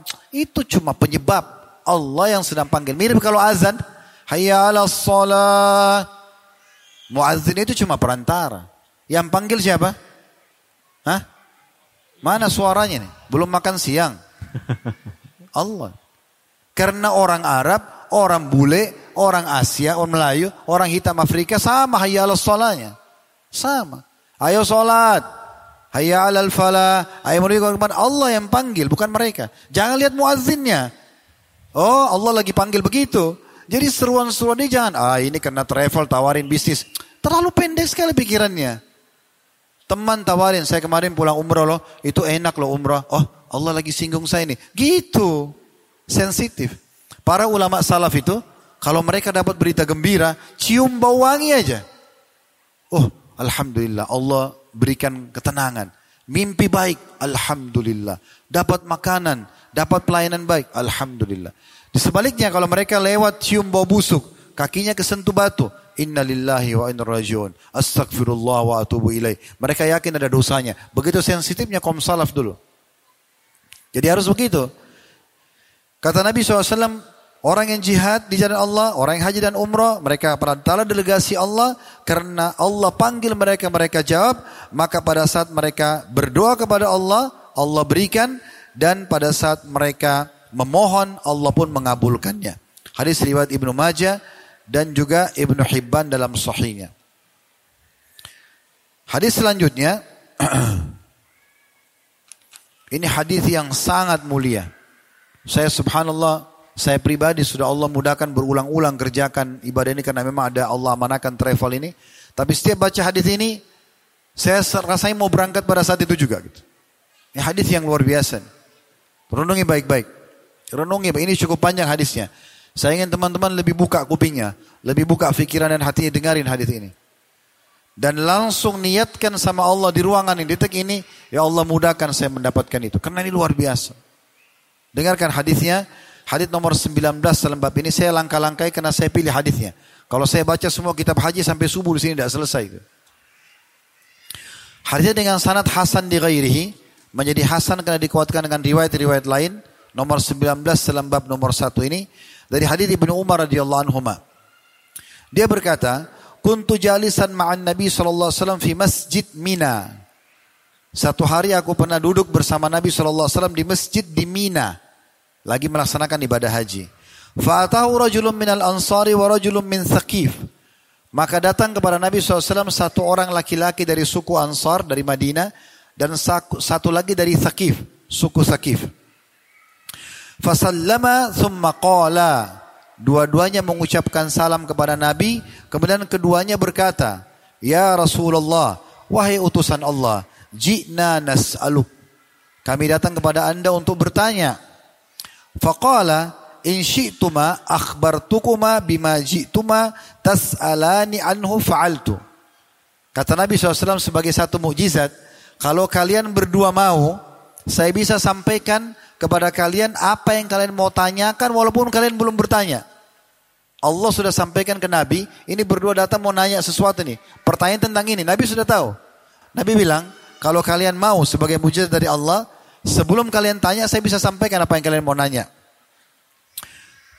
Wa in syi'tuma an umsika wa tas'alani. Atau kalau kalian suka, silakan nanya, saya akan jawab. Faqala maka keduanya berkata, akhbirna ya Rasulullah. Kalau gitu beritahukan aja kepada kami. Tidak usah kami nanya, anda sudah tahu. Sekaligus juga mereka mau membuktikan mukjizat Nabi Muhammad SAW. Karena kan Nabi bilang sudah tahu apa yang mau ditanya sebelum ditanya. Faqala. Maka kata Nabi SAW. Jitani tas'alni tas'aluni an makhraj an makhrajika min baitika ta'ummul baital haram wa ma laka fihi. Aku tahu kamu keluar datang ke sini bertanya tentang pahala apa yang kamu dapatkan pada saat keluar dari rumahmu dan bermaksud untuk mendatangi Baitullahil Haram. Ini ke Mekah, ini ke Masjid Haram apa dapat apa saya? Dan apa yang akan saya dapatkan? Pahala apa? Wa an rak'ataika ba'da tawafi wa ma laka fihima. Dan dapat pahala apa setelah tawaf mengerjakan dua rakaat solat di makam Ibrahim. Dapat apa? Wa an tawafika bainas safa wal marwati wa ma laka fi. Dan juga jalan antara safa dan marwah dan apa pahalanya? Apa yang akan saya dapatkan? Wa an ukufika asyiyata arafata wa ma laka fi. Dan pada saat ukuf di Arafah juga, lalu apa yang akan saya dapatkan? Wa an rammikal jimara wa ma laka fi. Dan juga pada saat melontar jumrah dan apa yang aku dapatkan? Wa an nahrika wa ma laka fi. Dan juga tentang sembelihan atau kurban dan apa yang aku dapatkan? Ma'al ifadha. Ya. Dengan juga mengerjakan tawaf ifadah, tawaf wajibnya haji. Faqala, maka berkatalah salah satu dari dua orang tadi, "Walladzi ba'atsaka bil haqq la'an hadza ji'tu as'aluk." Demi zat yang telah mengutus Anda dengan benar, benar-benar ini yang aku mau tanyakan. Orang itu kaget. Ternyata apa yang dia mau tanya, terinci Nabi sudah tahu. Ini mukjizat dari Allah SWT untuk Nabi Sallallahu Alaihi Wasallam. Qala, maka kata Nabi SAW, jawab, fa innaka idza kharajta min baitika ta'ummul baital haram la tada'u naqatuka khuffan wa la tarfa'uhu illa kataballahu laka bihi hasana wa maha. Ketahuilah tentang engkau keluar dari rumahmu dan engkau bermaksud untuk mendatangi Baitullah ke Masjidil Haram, mau salat kah, mau tawaf kah, mau sa'i, mau umrah? Gitu kan? Atau haji, maka ketahuilah tidak ya engkau atau hewan ternakmu, ternakmu meletakkan. Di sini lafadznya adalah tidaklah untamu meletakkan kakinya ataupun mengangkatnya. Kecuali akan dicatatkan untukmu satu langkah kaki hewan tungganganmu itu satu pahala dan dihapuskan darimu satu dosa. Dalam riwayat lain langkah kakimu sendiri juga akan mengangkat satu mendapat satu pahala dihapuskan satu dosa. Wa ataka ba'da tawafi ka'idki rakabatin min bani Ismail. Adapun pada saat kamu sholat dua rakaat di belakang makam Ibrahim, sunnahnya sholat habis tawaf tujuh kali, rakaat pertama baca Al-Fatihah sama Al-Kafirun, rakaat kedua baca Al-Fatihah sama Al-Ikhlas, itu pahalanya dua rakaat itu, dua menit, tiga menit, pahalanya sama dengan membebaskan satu budak dari keturunan anak Ismail. Begini memahaminya. Bilal tahu ya, budak bukan dulu. Siapa yang bebasin? Abu Bakar. Sudah paham belum teman-teman sekalian? Waktu Bilal jadi budak, susah sekali ibadah. Umayyah siksa, nggak boleh ibadah. Disiksa. Begitu Abu Bakar bebasin, bebas. Semenjak itu Bilal bebas ibadah, menjadi muazzin Nabi, menjadi panglima perang Nabi, menjadi panglima perang di masa Umar, ya. Banyak sekali pahalanya. Orang kalau sholat, makmum dapat pahala masing-masing, imam dapat pahala makmum, muazzin dapat pahala semuanya karena dia yang panggil. Berarti Bilal panen pahala semua sahabat yang ikut sholat bersama Nabi SAW. Dan Abu Bakar panen pahala Bilal karena dia yang bebasin. Itu bebasin budak luar biasa. Dua rakaat di belakang makam Ibrahim. Dua tiga menit. Pahalanya sama bebasin satu budak dari anak Ismail. Ini hanya di sana nih. Pahalanya cuma didapat di belakang makam Ibrahim. Wa amma tawafuka bis, tawafuka bis safa wal marwati. Kaitki sab'ina raqabah. Sementara jalanmu antara Safa dan Marwah dari Safa ke Marwa satu, Marwa ke Safa dua, kan tujuh kali. Safa ke Marwa tiga, Marwa ke Safa empat, Safa ke Marwa lima, Marwa ke Safa enam, terakhir Safa ke Marwa tujuh. Ini kata Nabi SAW, pahalanya tujuh kali bolak-balik itu, sudah olahraga, segar, semua yang sudah pernah saya tahu itu. Enak banget jalan, badannya sehat. Ya, ada satu ibu datang ikut sama saya kemarin Ramadan, sehingga saya umurnya sudah 60 tahun lebih, hampir 70 tahun. Anaknya sampai bawain kursi roda segala macam bawain kursi. Subhanallah, ikut ke Palestina baru ikut umrah Ramadan. Dilepas kursinya. Gak pakai kursi lagi, jalan, sehat. Dia bilang, saya Ustaz, Alhamdulillah saya sehat di sini. Masya Allah. Kuasa Allah SWT. Jalan antara Safa dan Marwa, pahalanya tujuh kali itu sama bebasin tujuh puluh budak. Tujuh puluh budak. Jadi Safa ke Marwa yang kurang dari satu kilometer, itu sepuluh budak. Marwa ke Safa sepuluh budak lagi. Tujuh kali itu, 15-20 menit, satu setengah jam lah, selesai, subhanallah, 70 budak. Wa amma ukufuka, ukufuka asyiyata arafa, fa inna Allah yahbitu ila samai dunia fayubahi bikumul malaika. Kalau ukufmu di Arafah, di tanggal 9 Zulhijjah, semua jemaah haji wajib hadir di Arafah. Kata Nabi SAW, Al-Hajju Arafah. Haji itu adalah puncaknya di Arafah mau di atas kendaraan, mau di kema, mau duduk di tanah, pokoknya di Arafah hadir pada saat itu. Maka Allah pada hari itu turun ke langit bumi. Bagaimana? Allah lebih tahu. Ini hadis tentang sifat. Kita imani apa adanya. Bagaimana kita tidak tanyakan, kita juga tidak nyerupakan dengan makhluk. Maka Allah membanggakan kalian di hadapan para malaikatnya. Seraya berfirman, ibadi ja'uni syu'than min kulli fajjin amiq yarjuna rahmati. Lihatlah hamba-hambaku itu. Mereka datang berdebu dari seluruh pelosok tempat-tempat yang sempit dari penjuru dunia ini. Mereka mengharapkan rahmatku. Falau kanat dhunubum ka'adadir ramal. Kalau seandainya dosanya mereka yang hadir di Arafah itu sejumlah pasir di padang pasir. Sejumlah pasir di padang pasir. Au kakatril matar. Atau seperti tetesan air hujan. Siapa yang bisa hitung itu? Sebanyak itu dosa mereka. Au kazabadil bahar. Atau seperti bui di lautan. Lihat kalau karena airnya asin. Air laut bisa sering muncul busanya. Sebanyak itu sebanyak jumlah pasir di, di muka bumi ini, bukan padang pasir, di muka bumi ini jumlah pasir semua digabung, sebanyak tetesan air hujan, sebanyak bui di lautan, lagafartuha akan aku bersihkan semua kata Allah. Hadir di Arafah, mulai dari duhur sampai maghrib saja, itu saja. Sekaligus saya ingatkan di sini, teman-teman kalau hadir di sana nanti, ikut travel apa saja, maksimalkan Arafah itu. Maksimalkan berdoa, berzikir, bertobat, baca Quran. Jangan sibuk terus makan. Boleh makan, boleh minum. Tapi ada orang dari masuk di Arafah, di kemah, mie terus sampai maghrib. Dari mie ke mie, dari kopi ke kopi, ngobrol ke ngobrol. Subhanallah.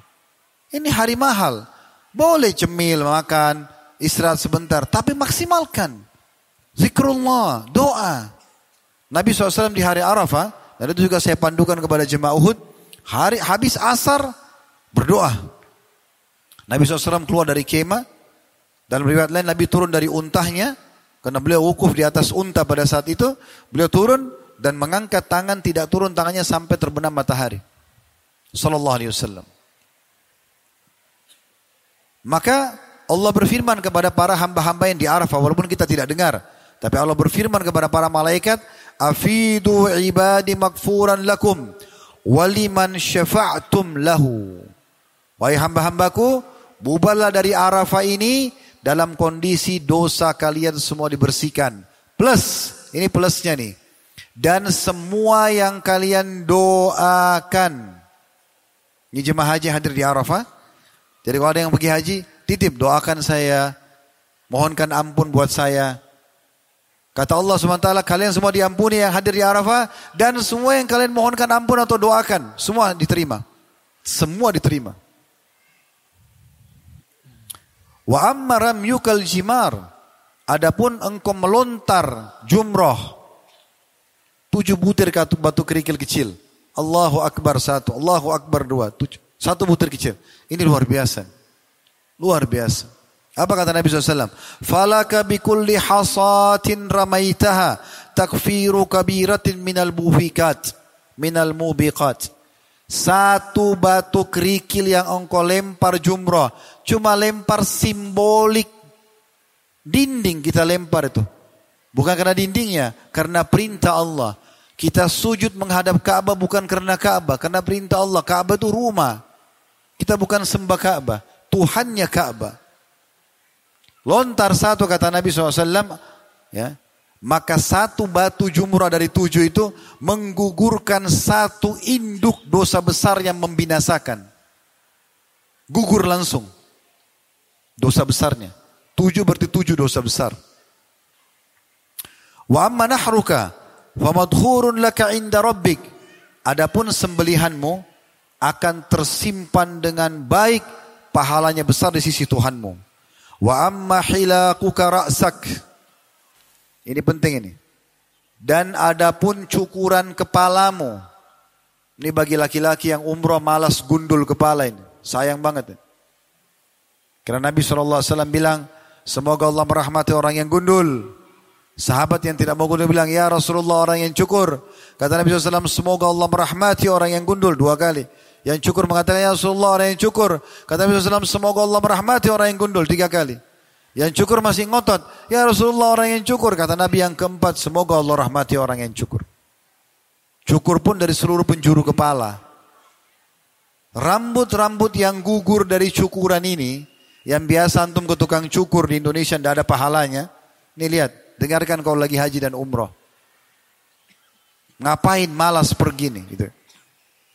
Jadi kaya, diampuni dosa, dapat tiket apa namanya VIP ke surga, bebasin budak, pahalanya, diampuni dosanya, diijabah doanya, doa orang yang titip, oh banyak banget.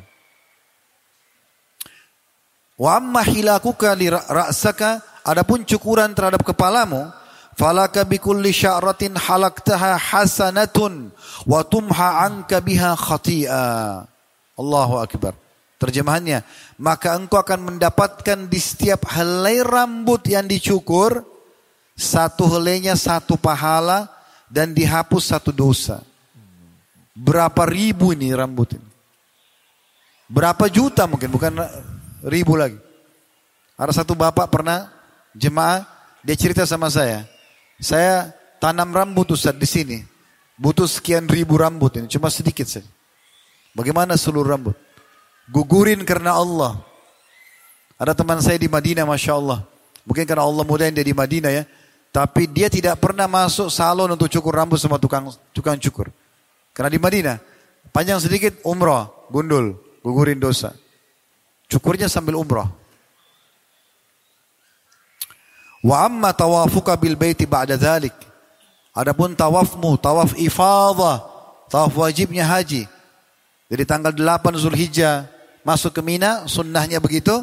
Nginap sampai besok hari Arafah, ke Arafah, dari mulai menjelang duhur sampai maghrib, malamnya ke Muzdalifah tanggal 9, tanggal 10 hari raya Idul Adha, berkurban, ya, jumrah akabah dan juga kita melakukan ini tawaf ifadah namanya, tawaf wajibnya haji.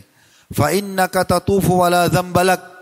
Di saat kau kerjakan tawaf ifadah dan selesai, dosamu semua habis. Ya'ti malakun hatta yadau yadihi baina katifaik. Fayakul, Allah akan datangkan malaikat yang memegang pundakmu. Kita mungkin tidak lihat dan tidak rasakan. Tapi begitu penyampaian Nabi SAW dan kita yakini itu. Malaikat Allah datangkan memegang pundakmu seraya dia mengatakan berita gembira untukmu. I'mal fima tastakbil faqad gufira laka ma madha. Sekarang silakan buat amalan-amalan baru, amalan soleh yang banyak.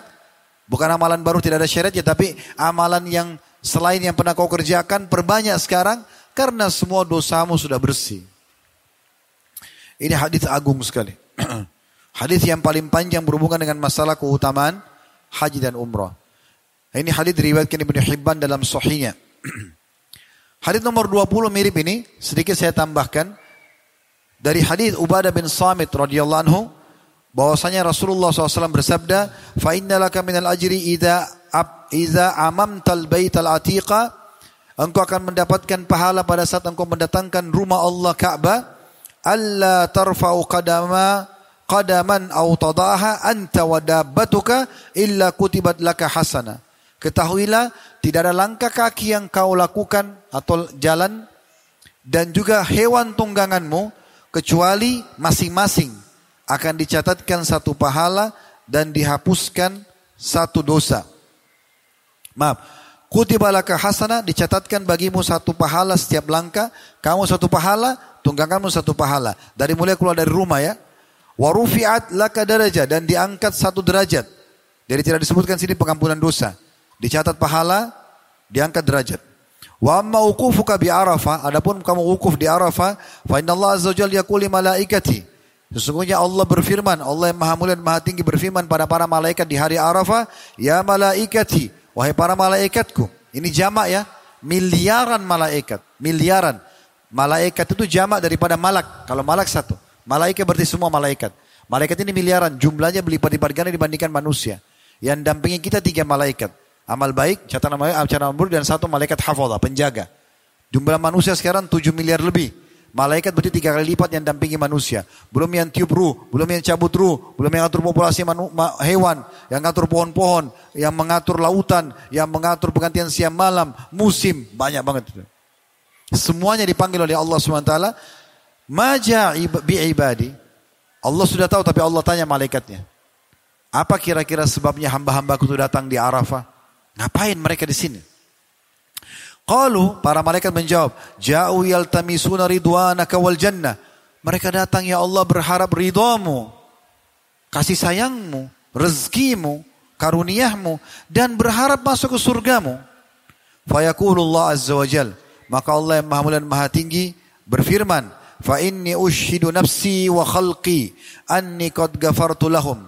Ketahuilah aku memberikan diriku sebagai saksi dan seluruh ciptaanku juga.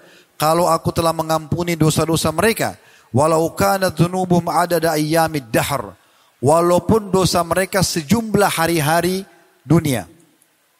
Berapa jumlah hari dunia? Miliaran tahun habis semua dosanya. Wa adada ramlin alij dan jumlah pasir yang bertebaran wa amaram yukal jimar adapun engkau melontar jumrah qala Allah azza wa jalla Allah telah berfirman tentang itu. Fala ta'lamu nafsum ma ukhfiya lahum min qurrati a'yunin jazam bima kanu ya'malun. Maka banyak sekali jiwa-jiwa yang baik. Jiwa-jiwa beriman yang masuk surga nanti insya Allah kita termasuk ini. Apalagi ini sore hari hari Jumat semoga Allah ijabah ya. Allah satukan kita di surga firdaus tanpa hisab. Mana satukan dalam majlis ilmu yang mulia ini. Adapun kata Nabi SAW, engkau melontar jumrah, maka Allah sudah berfirman, berapa banyak jiwa-jiwa nanti masuk ke dalam surga disimpankan hadiah-hadiah bonus buat mereka yang bisa menyejukkan mata mereka. Salah satunya, salah satunya disebutkan dalam sebuah hadis, nanti ahli surga di surga akan berterbangan para bidadari yang mampir ke istana orang-orang mukmin dan mengatakan, apakah masih ada tempat aku menjadi pelayanmu di sini?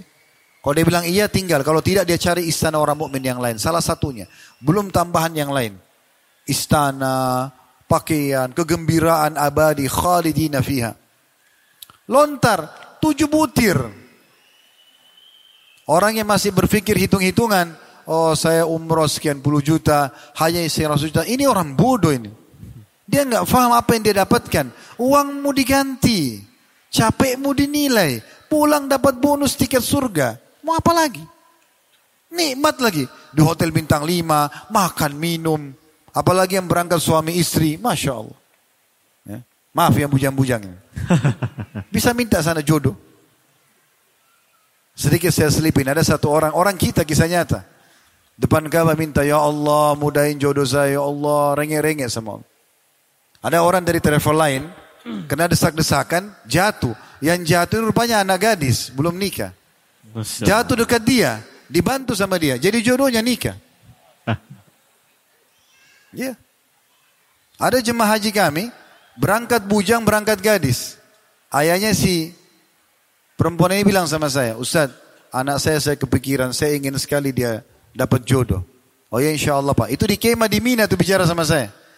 Selepas haji, saya biasa bercanda sama jemaah haji yang bujang atau yang memang tidak bawa istri. Saya selalu panggil, eh bujang, bujang, ambil bercanda. Ada satu orang jemaah yang punya sudah nikah tapi istri di Indonesia nggak ikut. Ustaz, Ustaz, ini si Fulan ada namanya, saya nggak usah sebutin. Ini si Fulan bujang juga Ustaz. Tapi dia bujang asli nih, memang belum nikah. Oh ya benar. Waktu itu kami mau sholat duhur, mau sholat duha baru sholat duhur.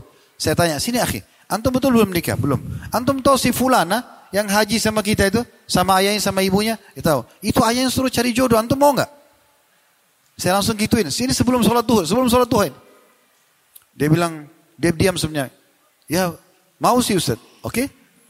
Kalau mau, ya, sebentar ini antum masuk ke masjid haram sama saya, kita sholat duha, habis sholat duha istikhara ya. Minta bisa, tidak usah tunggu mimpi. Tidak usah tunggu mimpi. Punya kecenderungan, segera. Kebaikan jangan ditunda. Antum nginapkan setan gur kumpul semua. Panggil sepupunya, panggil pamannya, godain supaya jangan nikah nih. Nah.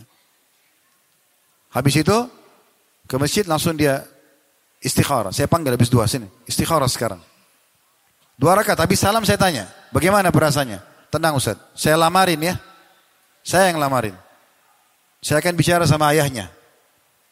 Ya Ustaz, siap, siap. Bagaimana orang tua antum? Orang tua saya sudah serahkan kepada saya. Laki-laki nggak perlu wali, tinggal telepon, oke? Okay? Berkah nih nikah di Mekah nih. Mungkin doa mereka minta jodoh nih. Saya juga tidak tahu kenapa saya gituin. Ini kisah nyata. Ini kalau teman-teman yang ikut haji tahun 2009, 2020 kemarin itu sempat itu. Seingat saya. Atau sebelum pandemi kalau nggak salah. Sebelum pandemi itu. 2019. Yang jelas saya panggil orang tuanya anak ukti kita ini di restoran habis sholat duhur saya ngomong saya ada hajat saya mau sampaikan kan. Bapak sama ibu tahu si Fulan jemaah kita? Oh tahu, kan sama-sama satu grup. Itu masih bujang, belum nikah. Bapak bilang sama saya di Kemah Mina kan mau cariin jodoh buat anaknya. Ya. Bagaimana kalau sama itu Pak? Oh saya nggak apa-apa, terserah Ustadz saja. Ibu bagaimana? Ya. Jadi ibu sama bapak nggak apa-apa ya? Oke. Anaknya mana? Anaknya lagi. Colon dipanggil aja. Panggil. Begitu datang, saya tanya depan orang tuanya, Ukti tahu si Fulan? Tahu. Ini orang tuanya bicara sama saya waktu di kemah katanya pengen supaya cepat nikah gitu. Ini saya tadi tawarkan jemaah kita si Fulan. Dan mereka berdua tidak keberatan. Ukti tahu orangnya pernah lihat iya. Bagaimana kalau menikah sama itu? Dia diam. Tiba-tiba menangis. Kenapa nangis? Ada masalah apa? Syubhatnya apa? Saya tanya. Syubhatnya apa? Oh saya punya orang tua saya masih mau berbakti. Saya juga baru nuntut ilmu. Jangan sampai nanti ilmu saya apa suami saya larang saya ke majelis ilmu. Oke apa aja syubhatnya? Kenapa enggak depan orang tua tanya calon suaminya? Ini orang tua saya masih mau bakti. Kalau orang mukmin nggak mungkin larang dong bakti nggak mungkin. Terus yang lain syubhat apa lagi nuntut ilmu? Aja sama-sama majelis ilmu. Bagaimana? Ya Ustaz. Oke, sekarang saya sarankan habis makan siang ini istikharah di kamar. Kasih saya jawabannya. Kalau setuju habis asar saya nikahkan. saya gitu. Karena tidak boleh lama-lama ini setan. Saya sekarang lagi perang sama setan. Saya paling suka kalau anak muda mau nikah. Bismillah. Karena tutup pintu zina itu. Dan menyelamatkan setengah agamanya. Dan tidak ada hubungannya nikah sama prestasi dunia. Harus bekerja dulu, harus punya mobil, punya motor. Ini beruban baru nikah. Mubazir. Balik 14 tahun, nikahnya 30 tahun. 16 tahun mubazir. Subhanallah, saya bilang makan siang dulu. Mereka kena kaget, udah usah, usah makan siang katanya. Ke kamar. Mereka kebetulan saya satu lantai sebelah kamar sama mereka. Saya tunggu di kamar saya. Sekitar 45 menit, hampir satu jam mereka datang. Udah Ustaz, kami sudah istikharah. Bagaimana? Tenang Ustaz. Oke, baik. Saya telepon si bujang kita ini. Ayo, Datang sekarang sini. Calon antum sudah siap nih. Datang. Silakan ngobrol. Ini ada walinya perempuan. Syubhatnya apa tanya? Saya mau bakti orang tua, saya mau begini. Semua dijawab. Oh iya saya juga setuju, saya juga nutut ilmu. Selesai, selesai. Udah ya? Udah. Habis asar kita nikah ya? Oke, siap-siap sekarang. Waktu itu sudah setengah tiga, setengah empat azan asar. Habis asar saya ada taklim sama jemaah. Habis asar sebelum taklim saya bilang, ada berita gembira. Ada jemaah kita yang akan nikah insya Allah sore ini. Oh siapa Ustaz? Fulan sama fulana. Oh Masya Allah. Datang pengantin duduk. Saya sudah suruh panitia tim Uhud tur untuk siapin makanan, snack, minuman. Akad nikah situ. Alhamdulillah. Tadinya datang bujang sama gadis, pulang sudah suami istri. Kata jemaah, biasanya kami kalau di lift jauh-jauhan tuh Ustaz. Sekarang sudah gandengan tangan. Kan suami istri. Pulang baru aja adakan acara. Subhanallah. Begitu mudah. Selingan tapi panjang ceritanya. Baik, itu gambaran tentang masalah hadis tadi. Kemudian yang hadis yang terakhir yang akan saya bahas di sini teman-teman sekalian. Hadis mulia juga. Ini luar biasanya kalau sampai antum lagi melaksanakan ibadah haji dan umrah, kemudian wafat. Ini hadis terakhir kita. Antum lagi ihramkah atau dalam perjalanan, meninggal. Baik lagi melaksanakan atau sudah melaksanakan. Apa keutamanya dengarkan. Ini hadis ke-21 dalam bab ini. Dengan sanad sahih di ghairi menjadi sahih kena dikuatkan dengan riwayat-riwayat lain. Dari hadis Abu Hurairah radhiyallahu anhu bahwa Rasulullah SAW bersabda, "Man kharaja hajjan famat, kutiba lahu ajrul haji ila yaumil qiyamah. Wa man kharaja mu'tamiran famat, kutiba lahu ajrul mu'tamiri ila yaumil qiyamah. Wa man kharaja ghazian famat, kutiba lahu ajrul ghazi ila yaumil qiyamah." Barang siapa, renungi baik-baik ya. Barang siapa yang keluar untuk pergi haji lalu meninggal dunia, datang ajalnya, maka dicatat baginya pahala orang yang berhaji hingga hari kiamat. Terus setiap tahun dapat pahala haji, walaupun dia sudah mati sampai hari kiamat. Berapa ratus tahun lagi, berapa ribu tahun lagi tetap dapat pahalanya. Padahal cuma sekali haji itu. Dan barang siapa yang keluar untuk pergi berumrah lalu meninggal dunia, maka dicatat baginya pahala orang berumrah hingga hari kiamat. Dan barang siapa yang keluar untuk berperang lalu meninggal dunia, maka dicatat baginya pahala orang yang berperang jihad hingga hari kiamat. Hadis sahih diriwayatkan oleh Abu Ya'la dari riwayat Muhammad bin Ishaq dan semua perawinya thiqah atau terpercaya. Dan dalam bab ini banyak sekali. Kira-kira teman-teman, Adakah orang tidak bisa meraih kebahagiaan dengan semua keutamaan ini? Terbalik. Umroh dan haji, jangan lihat biayanya. Tidak usah lihat biaya. Karena itu transaksi antara antum sama Allah. Travel itu mirip sama orang miskin. Mereka cuma wasilah saja. Antum kasih orang miskin, bukan sebenarnya dia tujuannya. Supaya sedekah antum dibawa ketimbangan amal antum. Itu kata Fudail bin Iyad rahimahullah. Seorang tabi'in. Beliau mengatakan apa? Pada saat dia bagi-bagi hadiahnya lalu dia mengatakan, lihatlah orang-orang ini pergi membawa amalku, sedekahku ini. Ketimbangan amal tanpa diupah sedikit pun. Jangan pernah antum bersedekah, lalu antum berpikir, oh dia yang butuh sama saya. Tidak, kita yang butuh dengan itu. Kita yang butuh dengan para fakir miskin. Kita yang butuh pada teman-teman travel itu. Kita yang butuh dengan teman-teman yayasan sosial itu. Karena dengan mereka kita bisa melakukan amal kita. Begitu pemahamannya. Jadi kita harus faham masalah ini. Maka bersangka baik teman-teman sekalian. Dan optimis. Mudah-mudahan Allah subhanahu wa ta'ala tidak menyisakan satupun yang ada di ruangan ini. Dan ikuti juga acara kita live. Insya Allah mudahkan haji dan umrah berulang-ulang insya Allah. Dan Amin. semuanya diterima dengan pahala yang sempurna. Amin. Fadal. Insya Allah. Baik Ustaz, mungkin bisa ada beberapa kesimpulan sebagai penutup. Intinya selagi masih muda, masih ada kesempatan jadikan umroh dan haji ini sebagai tujuan utama kita dalam melaksanakan perjalanan. Berprasangka baik pada Allah, berserah diri kepada Allah, yakin bahwa Allah ampuni dosa-dosa kita. Dan yang terakhir keyakinan adalah modal dasar, inama amalu biniat, order dan minta merengek kepada Allah, insya Allah Allah akan kabulkan. Ya, terima kasih Ustadz atas nasihatnya, atas dialognya, pembicaraan pada sore hari ini insya Allah bisa bermanfaat untuk kita semua dan bisa menjadi motivasi untuk teman-teman di sini dan mudah-mudahan kita semua yang sudah memiliki niat atau mungkin ingin kembali lagi ke tanah suci bisa sama-sama kita terkabul untuk berangkat dan meraih kebahagiaan dari haji dan umroh. mungkin bisa kita tutup dengan Ya. kafaratul majelis ya. Baik, subhanakallahumma Subhanallahumma bihamdika, asyhadu an la ilaha illa anta astaghfiruka wa atubu ilaik. Wassalamualaikum warahmatullahi wabarakatuh.